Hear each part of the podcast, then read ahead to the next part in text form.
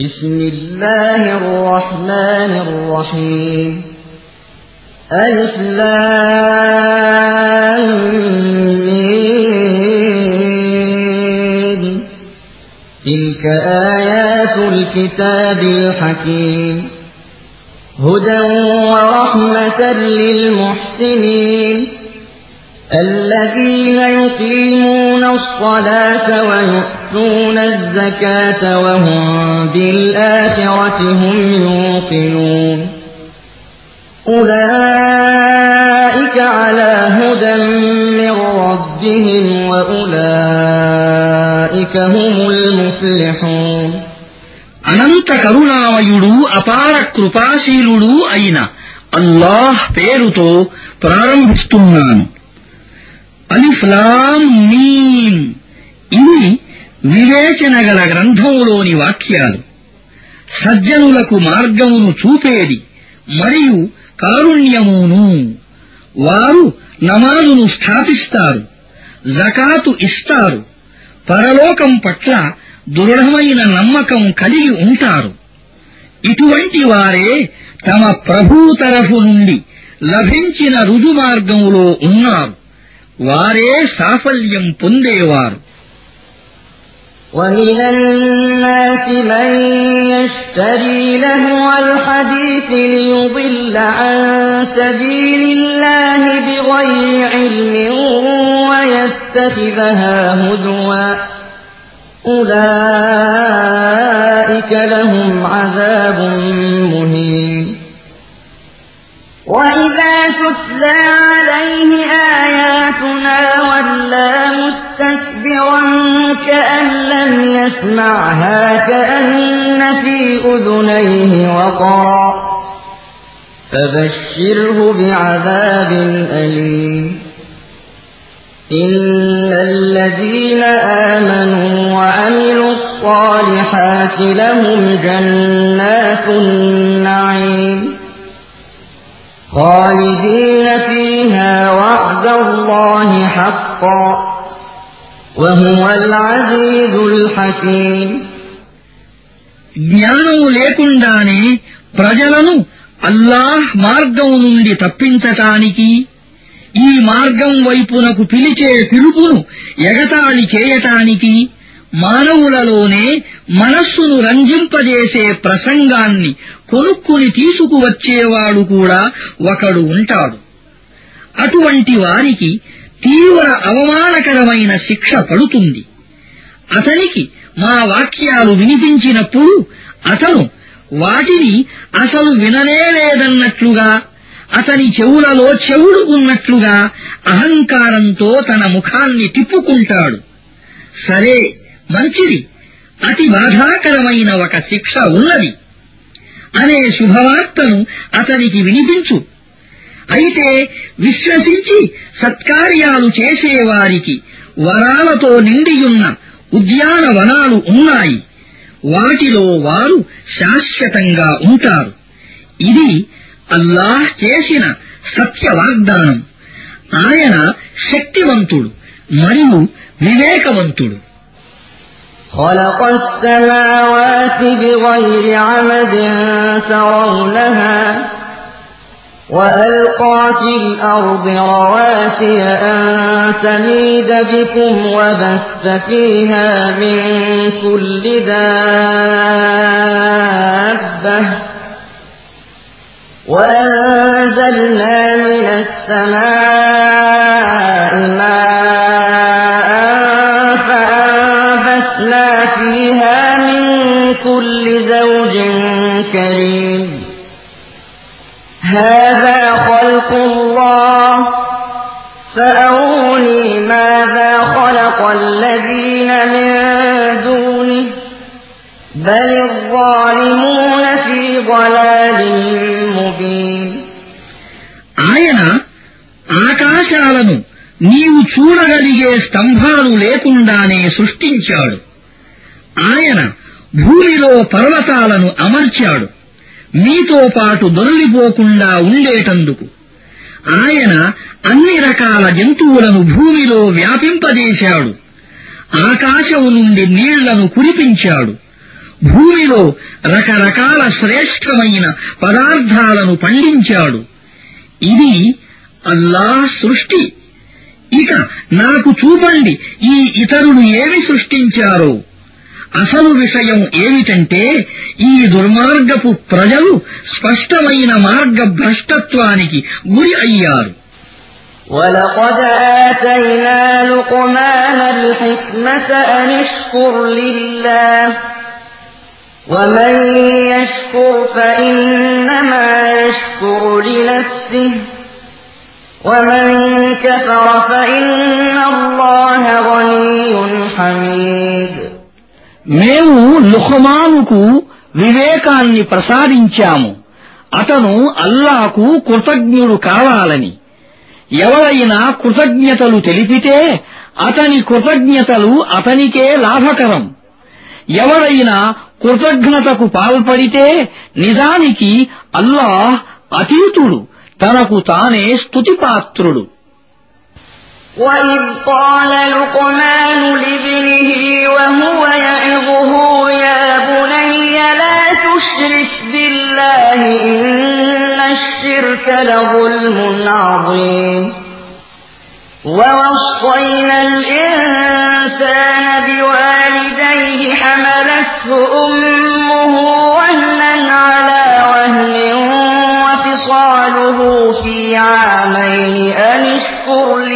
لي ولوالديك إلي المصير.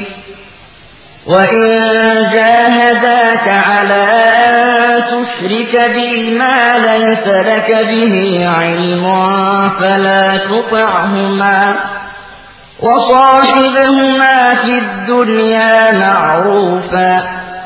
واتبع سبيل من أناب إلي. ثم إلي مرجعكم فأنبئكم بما كنتم تعملون లుకుమాన్ తన కుమారునికి హితబోధ చేసిన విషయాన్ని జ్ఞాపకం తెచ్చుకో. అప్పుడు అతను ఇలా అన్నాడు. కుమారా దేవునికి భాగస్వాములుగా ఎవరినీ చేర్చకు. నిజం ఏమిటంటే ఇతరులను దేవునికి భాగస్వాములుగా చేర్చటం పరమ దుర్మార్గం. మానవుడు తన తల్లిదండ్రుల హక్కును గుర్తించాలని స్వయంగా మేమే అతనికి నిర్దేశించాము అతని తల్లి బలహీనతపై బలహీనతను సహించి అతనిని తన కడుపున మోసింది. అతను పాలు విడిచిపెట్టటానికి రెండు సంవత్సరాలు పట్టింది. ఇందుకే మేము అతనికి ఇలా బోధించాము. నాకు కృతజ్ఞుడవై ఉండు. నీ తల్లిదండ్రులకు కృతజ్ఞతలు తెలుపు. నా వైపునకే నీవు మరలి రావలసి ఉన్నది. ఒకవేళ నీవు ఎరుగని వారినెవరినైనా నాకు భాగస్వామిగా చేర్చు అని వారు నిన్ను బలవంతం చేస్తే వారి మాటలు ఏమాత్రము వినకు. ప్రపంచంలో వారి పట్ల సద్భావంతో మెలగుతూ ఉండు. కాని నా వైపునకు మరలిన వ్యక్తి మార్గాన్నే అనుసరించు. తరువాత మీరందరూ నా వైపునకే మరలవలసి ఉంది. అప్పుడు నేను మీకు తెలుపుతాను. మీరు ఎలాంటి పనులు చేస్తూ ఉండేవారు? إنها إن تك مثقال حبة خردل فتكن في صخرة أو في السماوات أو في الأرض يأت بها الله. إن الله لطيف خبير. يا بني أقم الصلاة وأمر بالمعروف وانه عن المنكر واصبر على ذلك من عزم الأمور. ولا تصعر خدك للناس ولا تمش في الأرض مرحا. إن الله لا يحب كل مختال فخور. وقصد في مشيك واغضب من صوتك. إن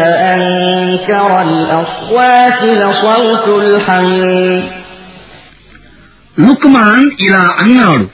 కుమారా ఒక వస్తువు అది ఆవగిందంతటిదైనప్పటికీ అది కొండరాయిలో గాని ఆకాశాలలో గాని భూమిలో గాని ఎక్కడ దాడి ఉన్నప్పటికీ అల్లాహ్ దానిని బయటికి తీసుకువస్తాడు. ఆయన సూక్ష్మగ్రాహి మరియు సర్వజ్ఞుడు. కుమారా నమాజును స్థాపించు మంచిని ఆజ్ఞాపించు చెడు పనుల నుండి నిరోధించు. ఏ కష్టం కలిగినా దానికి సహనం వహించు. ఈ విషయాలు ఎంతో గట్టిగా ఆజ్ఞాపించబడిన విషయాలు. ప్రజలతో ముఖం ప్రక్కకు తిప్పి మాట్లాడకు. భూమిపై నిక్కుతూ నడవకు. అహంభావి బడాయికోరు అయిన ఏ వ్యక్తిని అల్లాహ్ ప్రేమించడు. నీ నడకలో సమమైన తూకం పాటించు. నీ కంఠస్వరాన్ని కొంచెం తగ్గించు. అన్ని స్వరాల కంటే అతి చెడ్డ స్వరం గార్ధభాల స్వరం. ألم تروا أن الله سخر لكم ما في السماوات وما في الأرض وأسبغ عليكم نعمه ظاهرة وباطنة ومن الناس من يجادل في الله بغير علم ولا هدى ولا كتاب منير وإذا قيل لهم اتبعوا ما أنزل الله قالوا بل نتبع ما وجدنا عليه آباءنا أولو كان الشيطان يدعوهم إلى عذاب السعير భూమిలోను ఆకాశాలలోనూ ఉన్న సకల వస్తువులను اللَّهُ మీకు వశం చేసిన విషయాన్ని తన గోచర అగోచర వరాలను మీకు ఇచ్చిన విషయాన్ని మీరు చూడటం లేదా? అయినా పరిస్థితి ఎలా ఉందంటే మానవులలో కొందరు అల్లాను గురించి వారులాడుతున్నారు. వారి వద్ద ఏ జ్ఞానము ఏ మార్గదర్శకత్వము వెలుగును చూపే ఏ గ్రంథము లేకుండానే. అల్లాహ్ అవతరింపజేసిన దాన్ని అనుసరించండి. అని వారితో అన్నప్పుడు వారు మా పూర్వీకులు దేనిపై నడుస్తూ ఉండగా మేము చూశాము?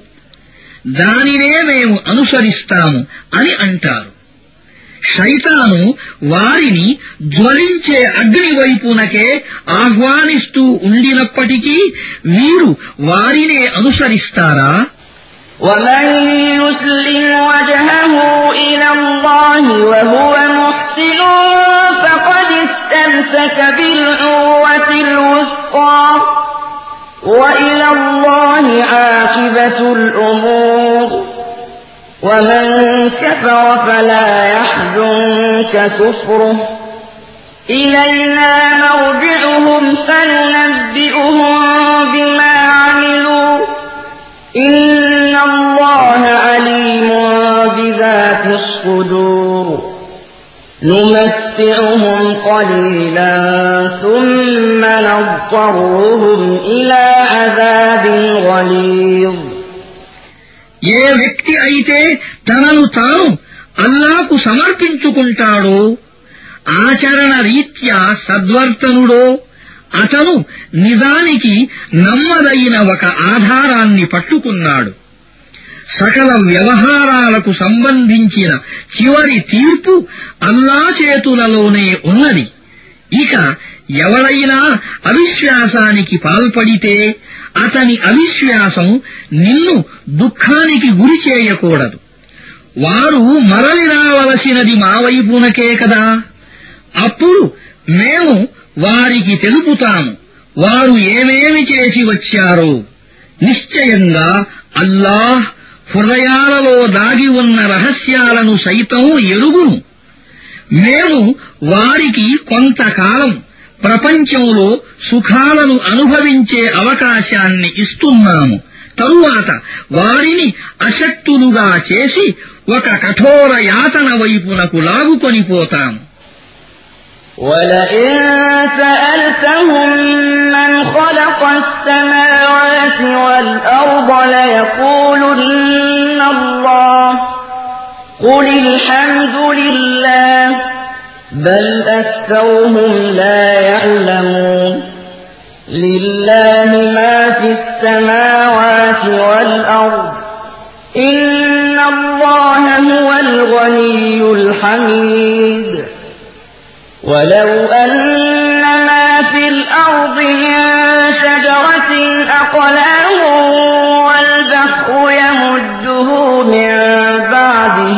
سبعة أبحر ما نفدت كلمات الله.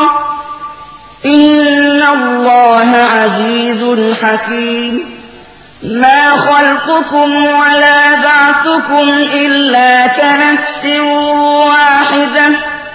إن الله سميع بصير. وكذلك వారిని నీవు భూమిని ఆకాశాలను ఎవడు సృష్టించాడు అని అడిగితే వారు అల్లాహ్ అని తప్పకుండా అంటారు.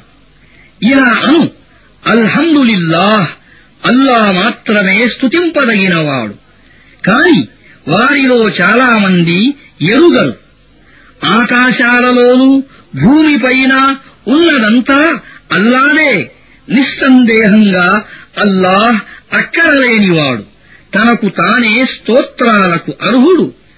భూమిపై ఉన్న వృక్షాలన్నీ కలములై సముద్రం శిరాబుడ్డి అయి దానికి ఇంకా ఏడు సముద్రాల శిరాను కలిపినా అప్పటికీ అల్లా మాటలు వ్రాయటానికి పూర్తి కావు. నిస్సంశయంగా అల్లాహ్ మహాశక్తి సంపన్నుడు మహావివేకవంతుడును. ఈ మానవులందరినీ సృష్టించటం తరువాత మళ్ళీ వారిని బ్రతికించి లేపటం అనేది ఆయన కొరకు కేవలం ఒక మానవుణ్ణి సృష్టించి బ్రతికించి లేపటం వంటిదే. యదార్థమేమిటంటే అల్లాహ్ సర్వము వినేవాడు సర్వము చూసేవాడును. ألم تر أن الله يولد الليل في النهار ويولد النهار في الليل وسخر الشمس والقمر وسخر الشمس والقمر كل يجري إلى أجل مسمى وأن الله بما تعملون خبير. ذلك بأن الله هو الحق الْحَقُّ